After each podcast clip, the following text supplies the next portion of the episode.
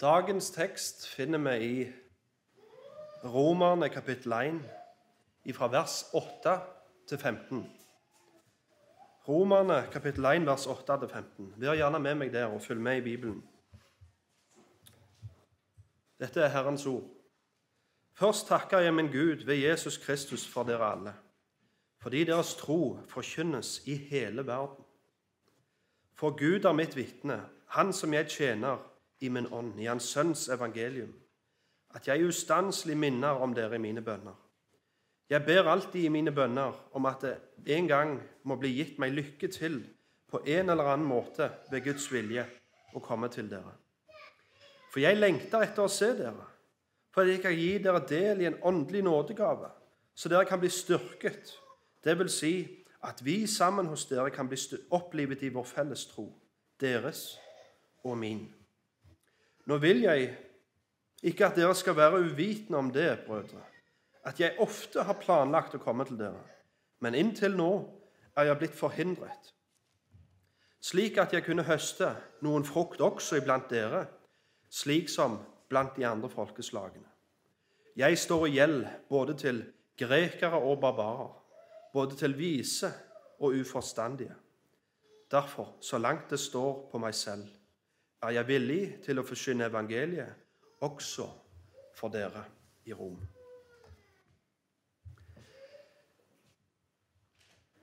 Det fins mange grunner for å tjene. Noen tjener villig, andre tjener motvillig. Noen tjener av god, gammel vane, andre tjener av tvang. Noen gjør en tjeneste, for det var ingen andre som kunne steppe inn. Andre har blitt fortalt at det er gjennom å tjene de kommer til himmelen. Med andre ord, det er gjennom din tjeneste til Gud at du fortjener deg til himmelen. Og Det er ofte fellesnevneren for mange sekter, kultbevegelser og religioner. At det er ikke hva guden deres har gjort for deg, men det er hva de skal gjøre for guden sin for å fortjene seg til himmelen. Men òg i de, de kristne sine rekker så finner du folk som er ulike grunner for å tjene. Noen tjener i Guds rike for å oppnå status eller for å bli sett av mennesket. Noen tjener for å bli rike. Andre tjener i håp om at Gud skal gi dem alt det deres sjøl lengter etter. Noen tjener pga. press fra foreldre, tvang eller ut ifra et ønske om å passe inn. Det fins mange måter å tjene på. Vi kan tjene helhjerta eller halvhjerta. Du kan ha to personer som gjør den samme tingen, der han ene gjør det med bitre og ureine motiver, og han andre gjør det med oppriktige. Du kan ha en person som sier han skal gjøre en jobb, og gjør det ikke. Og så har du en andre som ikke har sagt noen ting, og han gjør jobben for det. Hvordan ser din tjeneste ut? Hvorfor tjener du? Eller hvorfor tjener du ikke? Hva er det som motiverer deg?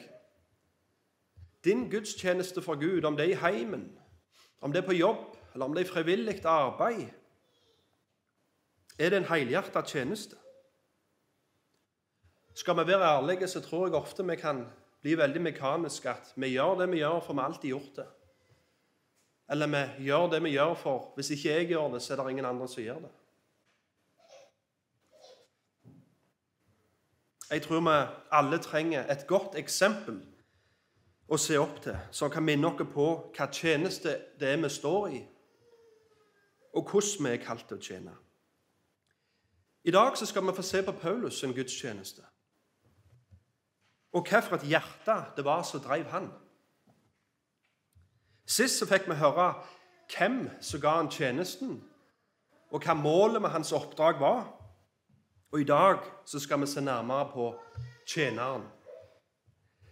Som andre ord, Det jeg vil vi skal se på i dag, og som er overskriften på denne talen, det er en helhjerta tjeneste.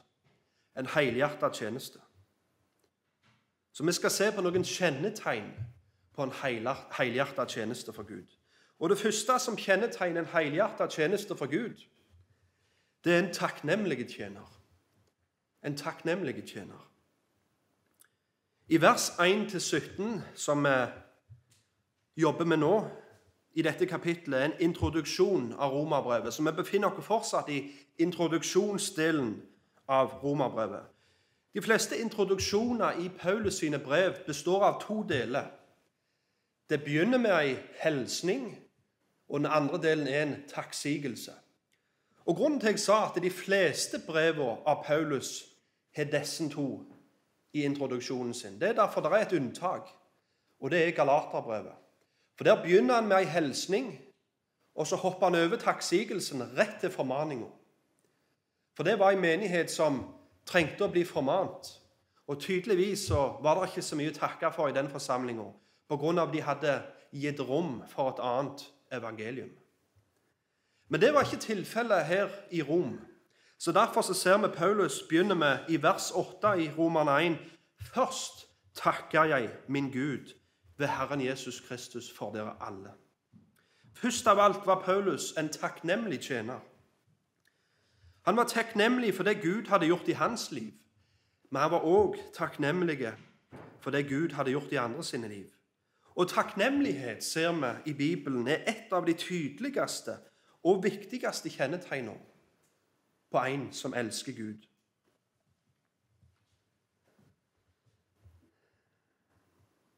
For vår kjærlighet til Gud kommer til uttrykk i takknemlighet. På samme måte så kan vi se at hat og opprør imot Gud får sitt tydeligste og første uttrykk i utakknemlighet. Som vi kommer til litt seinere i Romane 1, og vær gjerne med meg der, til Romane 1, vers 21. Og der leser vi For selv om de kjente Gud, æret de han ikke som Gud, eller takket. Men de ble tomme i sine tanker, og deres storaktige hjerte ble formørket. Det er kanskje ikke det første vi tenker på.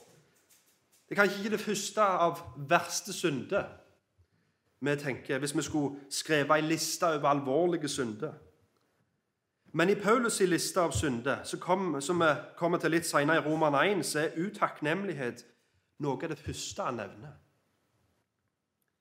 Det å være utakknemlig er det samme som å si Gud, du har ikke gitt meg det jeg fortjener. Jeg hadde fortjent så mye mer. Du behandler meg urettferdig. Men som dere sikkert allerede vet, men allikevel ikke feil å bli påminnet Hvis Gud skulle gitt dere det vi fortjente, så hadde han sendt dere alle til fortapelsen. Men i vårt tilfelle så har han ikke gjort det. Han har gitt dere nåde og tilgivelse, noe vi ikke fortjener. Og Derfor har vi all grunn til å være takknemlige. Og Jeg kom bare på et eksempel når jeg var ute på gata på Ruten i Sandnes og evangeliserte for noen år tilbake, så ble jeg stående og snakke med en litt eldre kar. Og Jeg eh, spurte han om han hadde fått hørt evangeliet, om han kjente til det budskapet der. Nei, det kjente han ikke til, sa han, men jeg kjenner til den der guden din. Og han kan jeg ikke fordra, for han er så urettferdig. Så tenkte jeg med meg sjøl at du bør ikke ber himmelens Gud om å gi deg rettferdighet. For hvis Gud gir deg det du fortjener, hvis Gud skulle gitt dere alle det vi fortjener, så hadde vi vært uten håp i denne verden. Men budskapet, evangeliets budskap og det budskapet vi er kalt Gud med, det er at det er en Gud som står klar til å gi mennesker det de ikke fortjener. Nåde over nåde. Hele frelsen er en gave ifra Gud. Det er ikke noe vi har fortjent. Det var ikke sånn at Gud var oppe i himmelen og så ned. Se hvor greie de er med hverandre. Nå har de jammen jobba hardt. Nå skal de få denne gaven av meg som de har jobbet hardt for. Nei, det var ikke sånn. Det var ikke at han så ned på oss og ble motivert av oss, som gjorde at han sendte sin sønn. Men han ble motivert av sin egen kjærlighet. På grunn av han er en god og nådig og kjærlig Gud, så sendte han sin sønn. Og bare to aspekter av frelsen som vi kanskje ikke tenker på, og er en gave, er omvendelse, annet. Vær gjerne med meg til 2. Timoteus 2,24. 2. Timoteus 2,24.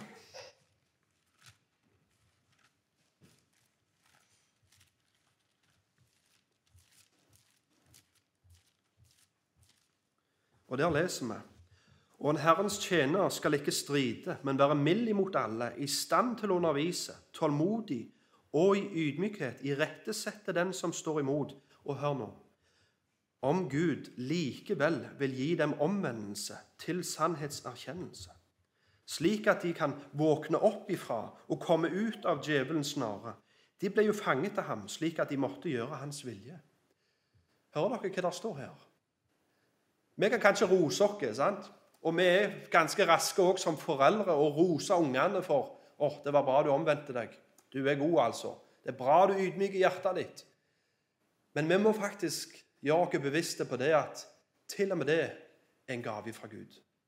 Det at vi som mennesker ydmyker hjertene våre, det at vi omvender oss, det at vi får en sinnsforandring og ser at det vi før holdt på med, det var galt. Det jeg før tenkte om Jesus, det var feil eller sånn jeg oppførte meg, det var ikke rett. Den sinnsforandringa og omvendelsen der, det er en gave fra Gud. Så der kan vi heller ikke rose oss. Og går videre til et annet aspekt av frelsen vår. Noe så viktig som trua di. Det at du tror.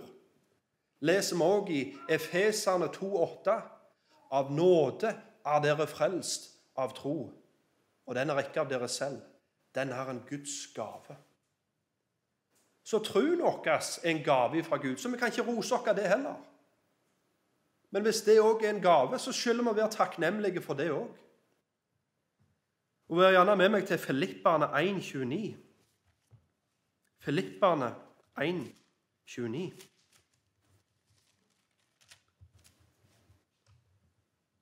Og der står det For det er gitt dere for det er gitt dere på grunn av Kristus.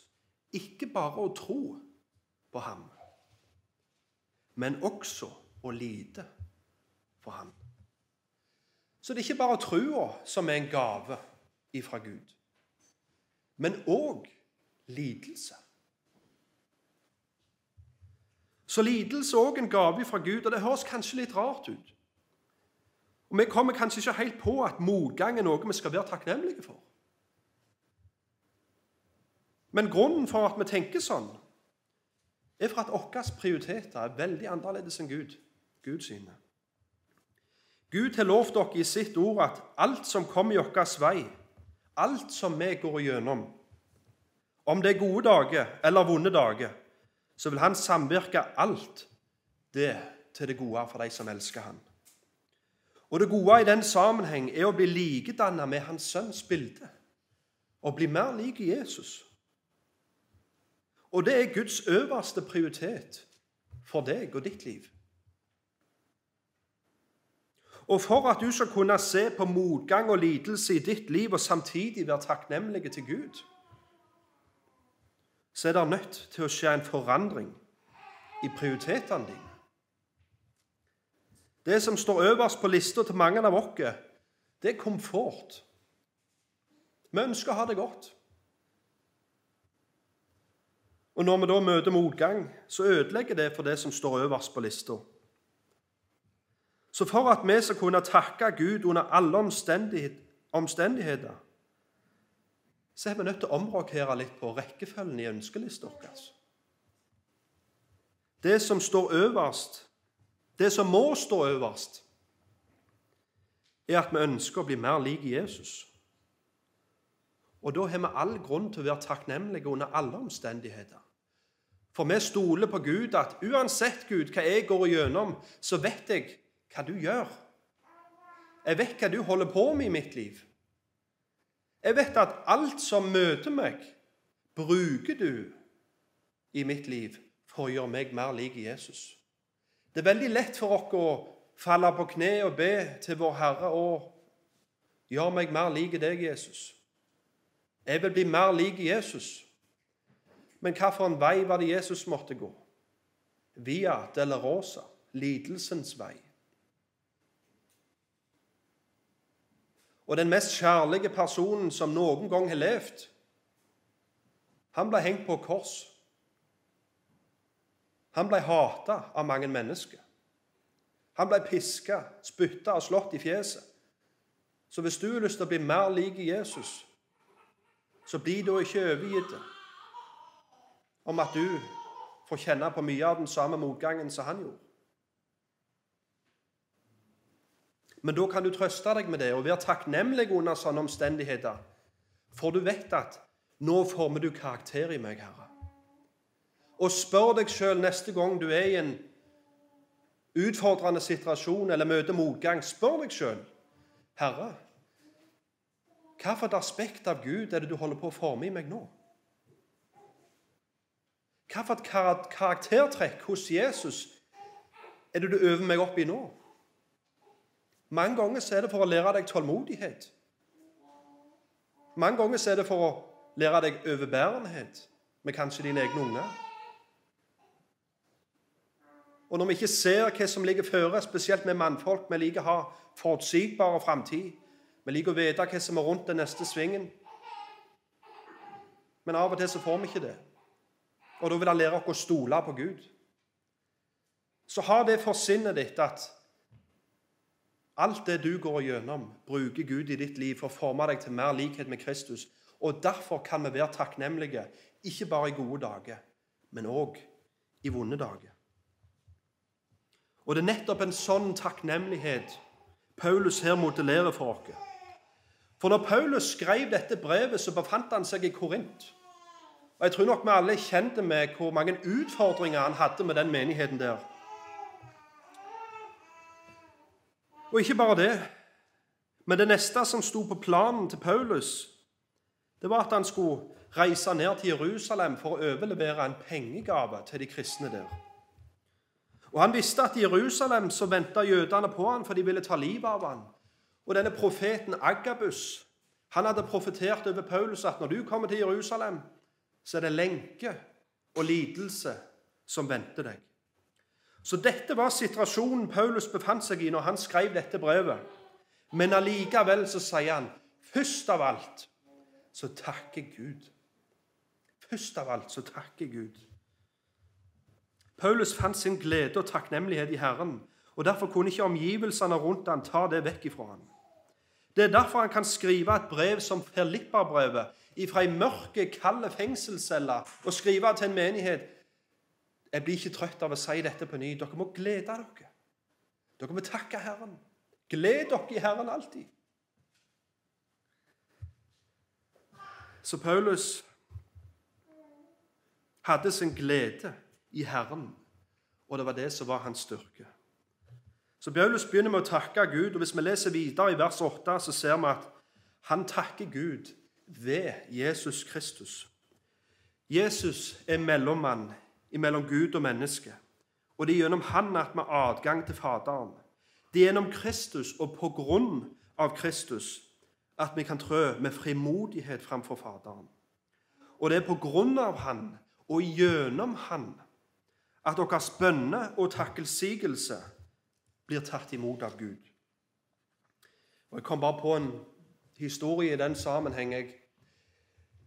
Vi har fått en ny arbeider, en ny arbeidskollega på jobb. og Han er en ortodoks kristen. Og For meg var det veldig nytt. Jeg visste ikke helt hva det gikk i, så jeg, jeg har spurt og gravd litt de siste ukene for å få en litt mer forståelse for hva vil det si å være en ortodoks kristen. Og Noe av det første jeg spurte han om da, det er det Hvem er det du ber til når du ber? Så sa han nei, da ber jeg til Maria. Til Maria, sier jeg. Kan du ikke bare be direkte til Jesus? Å nei, det kunne han ikke.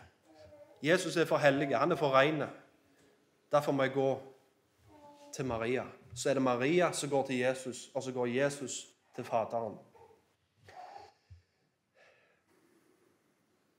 Men hva er det Guds ord sier? Er det to mellommenn, imellom menneske og Gud? Nei, det er én. I 1. Timoteus 2,5 så leser vi For det er én Gud, og det er én mellommann mellom Gud og menneske. Mennesket Kristus Jesus. Som er direkte adgang til Gud. Vi trenger ikke gå via mora Jesus. Og vi trenger ikke gå via en prest. Dere trenger ikke bekjenne syndene for meg, og så tar jeg det videre til Herren. Men vi er alle direkte adgang til Gud gjennom Jesus Kristus. Og det er det Paulus her sier. Han ber og takker Gud på grunn av Jesus Kristus. Det er derfor han kan være frimodig. Det er derfor han ber. For han vet at han er adgang gjennom Jesus. Tilbake til teksten i vers 8. Hva var det med menigheten i Rom Paulus var takknemlig for? Og Da leser vi først takker jeg min Gud ved Jesus Kristus for dere alle. For her kommer det for deres tro forkynnes i hele verden. Deres tro forkynnes i hele verden. Det som er litt interessant her, det er det at dette brevet ble skrevet i ca. år 56 etter Kristus, altså Romerbrevet. År 56 etter Kristus. Men sju år tidligere, i år 49, så hadde det skjedd noe spesielt. Når Claudius Cæsar var keiser i Rom, han som var stefar av Nero, som dere sikkert kjenner litt bedre, som var den som virkelig forfulgte de kristne, så ble alle jødene utvist fra Rom. Og Hvis du leser den romerske historikeren Suetonius, så skriver han at jødene ble utvist av Rom pga. alt det oppstyret de lagde rundt denne mannen Kristus, som er en annen måte å skrive Kristus på. Romerne forsto ikke at jødene og de kristne var to grupper. De tenkte at de kristne var en del av jødedommen, så med å befale at jødene skulle ut av Rom, så tenkte de da var de kvitt problemet. Og Det er litt interessant, dette her, for dette står det faktisk om i Bibelen òg. Så vær gjerne med meg i Apostelens gjerninger 18. Apostelens gjerninger 18.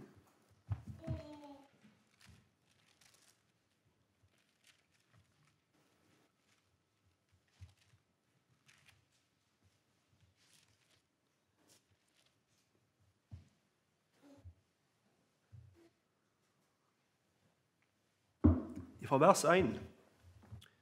Deretter forlot Paulus Aten og dro til Korint.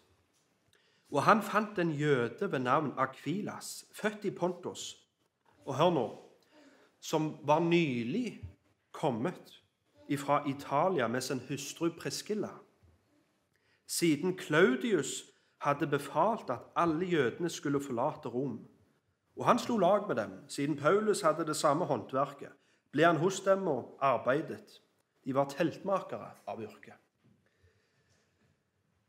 Og Dette var nok en av de store grunnene for at menigheten i Rom, trua til menigheten til Rom, hadde spredd seg omkring i hele verden. Og dette takker Paulus for. Romerne var tydeligvis en menighet som hadde en et tydelig vitnesbyrd i byen sin, noe som førte til at keiseren tenkte at dette må vi få en stopper for. Jeg vil ha de vekk. Og når Paulus får høre om denne nyheten her, når han får høre om vitnesbyrdet til menigheten i Rom, så priser han og takker Gud. Og Det tenker jeg bare på, det er litt ettertanke for oss òg. Jeg ser for meg det at hvis vårt vitnesbyrd her på Hesjestad hadde vært så tydelig at vi ble utvist av Ualand, hele gjengen her, så jeg er redd at det var veldig mange rundt som hadde skamt seg over oss. Nei, de der løgnaskristne der, de vet ikke hva de holder på med. Eller hvis vi hadde hørt om en eller annen menighet i Stavanger-området som var bannlyst derifra Ikke pga. at de hadde gjort noe, noe galt ut ifra Guds ord, men at de hadde vært tydelige og stå på Guds ord. Så er jeg redd at veldig mange kristne ville stilt seg i lag med de ugudelige og hevet stein og sagt nei, det er ikke sånn kristendommen er. Men Paulus, når han får høre at eh, de kristne og blir utvist fra den viktigste byen av en av de største og viktigste mennene i den romerske verden, så priser han og takker Gud. Deres vitnesbyrd blir jo forsynt om i hele verden. Så det første som kjennetegner en helhjertet tjeneste for Gud, er en takknemlig tjener. Ikke bare det at du takker Gud for det han gjør i ditt liv, men at du òg kan være takknemlig for det Gud gjør i andre sine liv. At vi kan glede oss over evangeliets framgang, Guds rikes framgang, ikke bare når det fører til at vi får flere medlemmer i vår forsamling, og heller ikke bare når vi får være tydelige vitner her vi bor, men når vi får høre om andre menigheter som vokser. Når vi får høre om nabomenigheten som har et enda tydeligere vitnesbyrd enn det vi klarer å få til. La oss takke for det. La oss prise Herren for det. Det neste kjennetegnet for en helhjertet tjeneste jeg vil vi skal se på, er en lengtende tjener. En lengtende tjener. Så nå har vi sett på Det første kjennetegnet var en takknemlig tjener. Nå skal vi se på en lengtende tjener. Videre i vers 9-13 i Romerbrevet så leser vi For Gud er mitt vitne, han som jeg tjener i min ånd, i Hans Sønns evangelium. Og Jeg vil bare legge til der at i min bibel så står det Jeg er Bibelen, Guds ord. For Gud er mitt vitne, han som jeg tjener i min ånd. Men hvis du er 2011-utgaven, så står det 'Han som jeg tjener av hele mitt hjerte'. Og jeg ser det at I mange av kommentarverkene som forklarer dette verset, så forklarer de min ånd med Her er det snakk om en helhjertet tjeneste. Så jeg, jeg vil påstå å si at 2011-utgaven er, er, treffer hodet på spikeren når de oversetter det til en helhjertet tjeneste. Og Det er derfor jeg har valgt det som en overskrift for denne talen i dag. Men la oss nå lese. For Gud er mitt vitne, Han som jeg tjener i min ånd, eller av hele mitt hjerte, i Hans Sønns evangelium, at jeg ustanselig minner om dere i mine bønner. Jeg ber alltid i mine bønner om at det en gang må bli gitt meg lykke til på en eller annen måte ved Guds vilje å komme til dere. For jeg lengter etter å se dere, for at jeg kan gi dere del i en åndelig nådegave, så dere kan bli styrket. Det vil si at vi sammen hos dere kan bli opplivet i vår felles tro, deres og min. Nå vil jeg ikke at dere skal være uvitende om det, brødre, at jeg ofte har planlagt å komme til dere, men inntil nå er jeg blitt forhindret, slik at jeg kunne høste noen frukter også iblant dere, slik som blant de andre folkeslagene. For å oppsummere disse fire versene så vil jeg si at Paulus ønskte å få ei høring. Paulus ønskte å få ei høring hos romerne. Han ønsket at det budskapet han nå skulle legge ut for dem i de kommende kapitlene, skulle bli tatt godt imot. Og Derfor var det viktig for han at de forsto hjertet hans bak det han nå skulle si.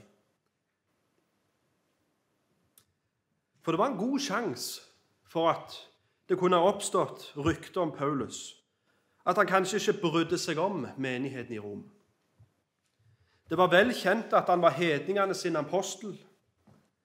Og de var nok òg kjent med at han var vel bereist rundt i lille Asia og Han hadde besøkt flere menigheter og byer. Men Rom den hadde han ennå ikke besøkt. Det var jo hovedstaden for hedningeverden. Det var jo den viktigste byen, ville mange argumentere. Så hvordan kunne det ha seg at hedningene sin apostel ikke ennå hadde kommet til denne byen? Så Paulus har behov for å forklare seg. Han sier, 'For Gud er mitt vitne, han som jeg tjener i min ånd.' i Hans Sønns evangelium at jeg ustanselig minner om dere i mine bønner. Med andre ord jeg har ikke glemt dere. Jeg har dere med i mine bønner. Og han drar inn Gud som et vitne på det han her sier. For hvis Paulus bare sier 'jeg ber for dere', så De kjenner ikke Paulus. Hvordan kan de vite at han snakker sant? Derfor drar han inn Gud som et vitne på at 'jeg har ikke glemt dere'. Jeg ber ustanselig for dere. Og hva er det han ber om i vers 10? Jeg ber alltid i mine bønner om at det må bli gitt meg lykke til på en eller annen måte ved Guds vilje å komme til dere. Jeg vet det tok lang tid, men jeg ber uten stopp om at en dag at jeg skal få komme til dere. Her gir Paulus uttrykk for den dype lengselen han hadde etter å få fellesskap med dem.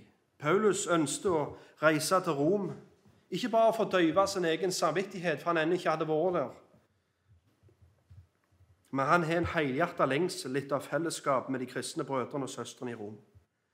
Og den lengselen strømte ut ifra en helhjertet tjeneste til Gud.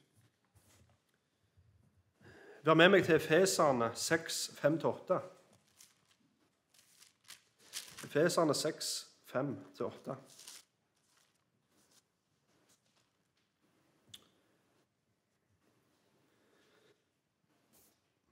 Dere tjenere, eller dere slaver, vær lydige mot de som er deres herre etter skjødet, med frykt og respekt, i hjertets oppriktighet, som for Kristus. Ikke med øyentjeneste, som slike som bare vil gjøre mennesker til lags, men som Kristi tjenere som gjør Guds vilje av hjertet. Gjør deres tjeneste med velvilje, som for Herren, og ikke for mennesker. Og dere vet at alt det gode dere gjør, skal enhver få igjen fra Herren, enten en er slave eller fri.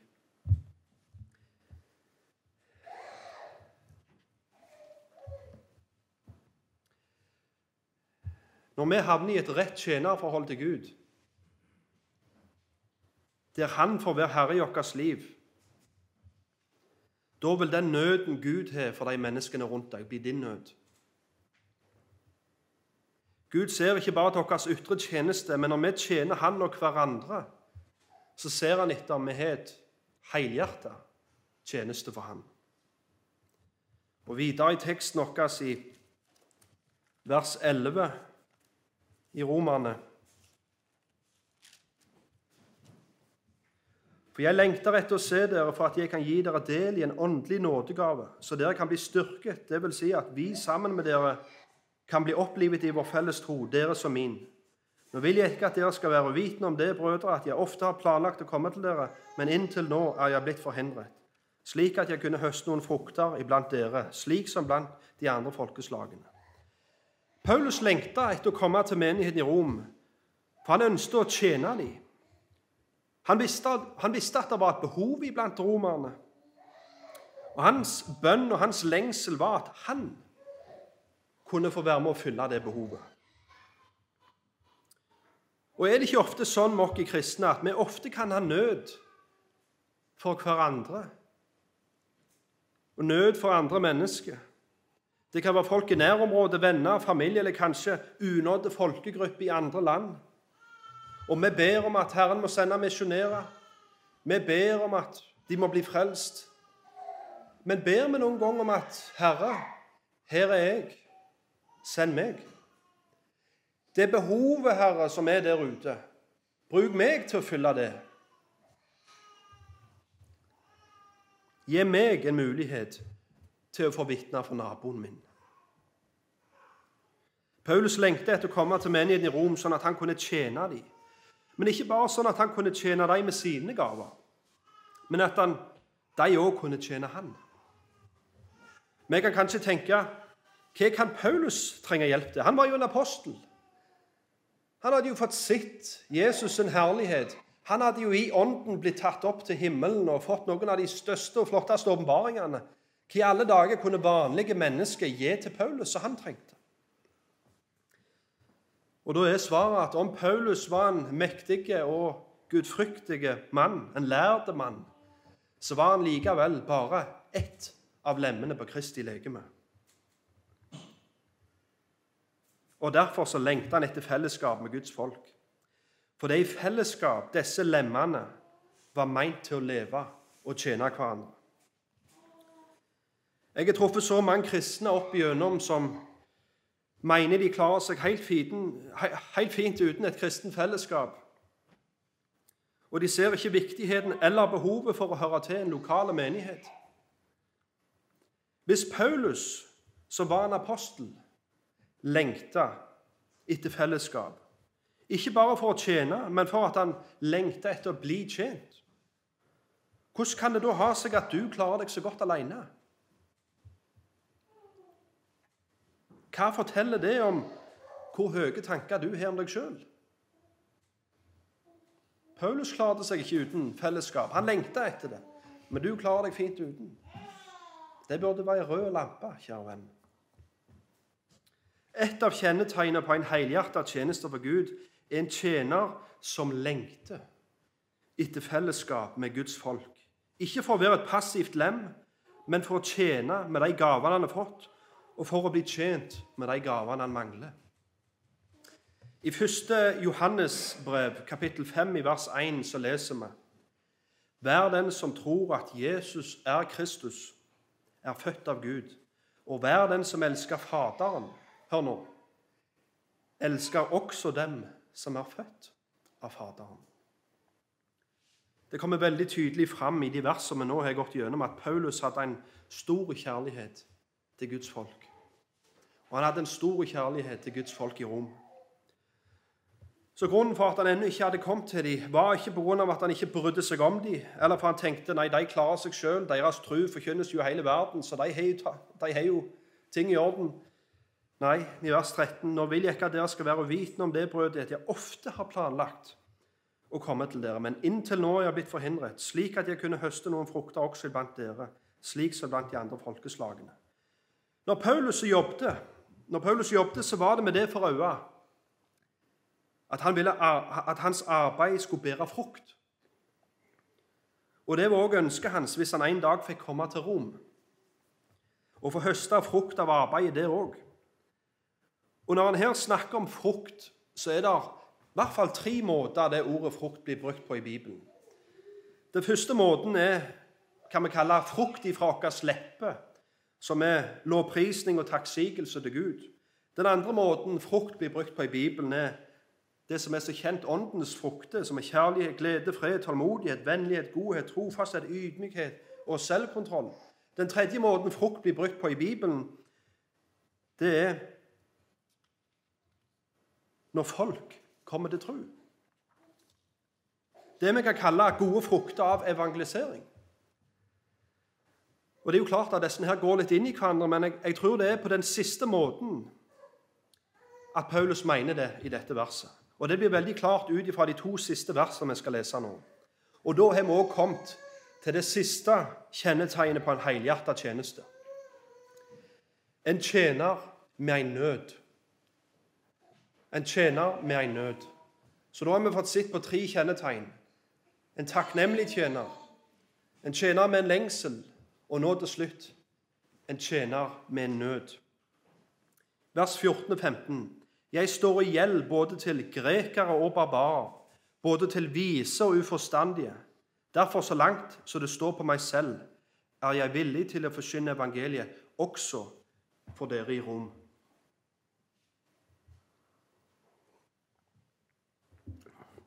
Her bruker Paulus noe som kalles for hebraisk parallellisme. Og Det er det tilsvarende til at når vi på norsk skal virkelig få fram et poeng, så skriver vi med store bokstaver. Eller at når vi skal gi noe litt mer trykk, så setter vi to streker under det. Paulus gjør litt det samme i denne teksten. Men på hebraisk da satte de ikke to streker under svaret eller skrev med store bokstaver, men da gjentok de den samme tingen på to forskjellige måter. Så her sier han jeg står i gjeld både til grekere og barbarer, både til vise og uforstandige. Så her har vi grekerne er synonymt med de vise. Og barbarene er synonymt med de uforstandige.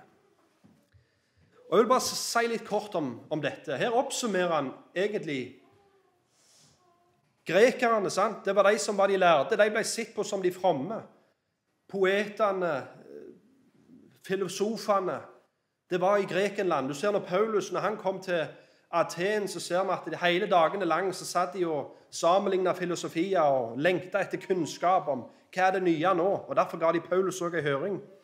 Så det blir sett på som en, blir satt opp som en kontrast til hverandre. Du har de vise og de uforstandige, som man nå kaller for barbarer.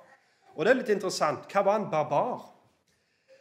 En barbar det er et slags kallenavn eller et skjellsord som ble gitt til en befolkning. Det er ikke, det er ikke et benevnelse som de sjøl ga seg.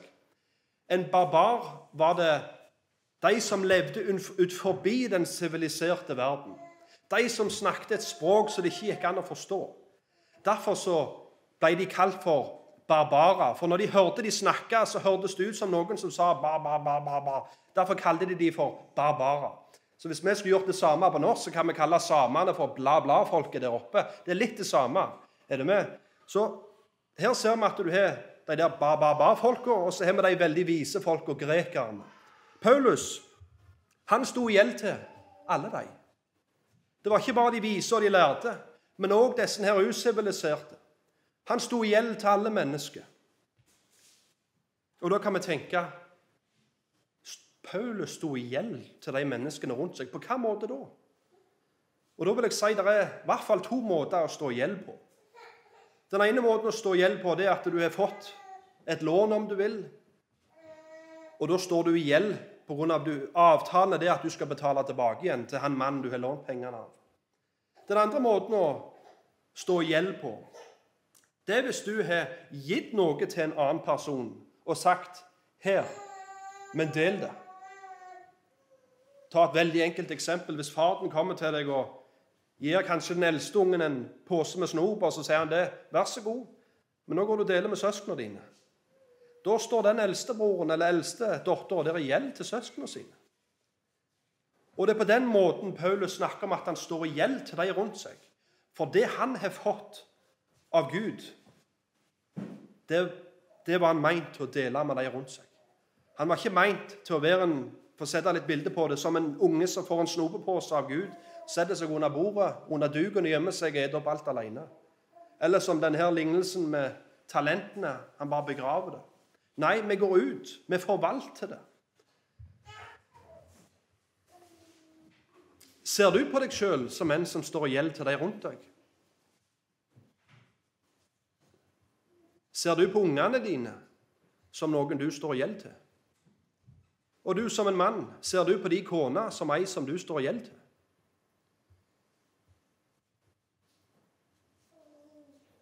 Tenker du at det som Gud har gitt deg i sitt ord, at du skylder å gi det videre til de rundt deg? Eller har vi blitt alle som denne lille ungen som setter seg under bordet og sier det at dette her skal jeg ha helt sjøl. Nei, kjære venner, vi står i gjeld. For det vi har fått, var vi meint til å dele. Har du en nød for de menneskene rundt deg? Vi er alle satt på forskjellige plasser, og mange av oss står i veldig ulike situasjoner og i veldig ulike faser i livet. Men jeg håper at uansett hvordan din hverdag ser ut, at du lever et liv i en helhjertet tjeneste for Gud. Først og fremst som en takknemlig tjener. Som lar alle sine bønneevner komme fram for Gud i bønn og påkallelse med takksigelse. Ikke bare for det Gud gjør i ditt liv, men òg for det Gud gjør i dine brødre og søstre sine liv. Og òg la din tjeneste være preget av en lengsel, som nummer to. En lengsel etter fellesskap. Prioriter Guds folk. Prioriter søndagen. Kom og tjen, og for å bli tjent. Og la tjenesten din være preget av en nød, som den tredje tingen.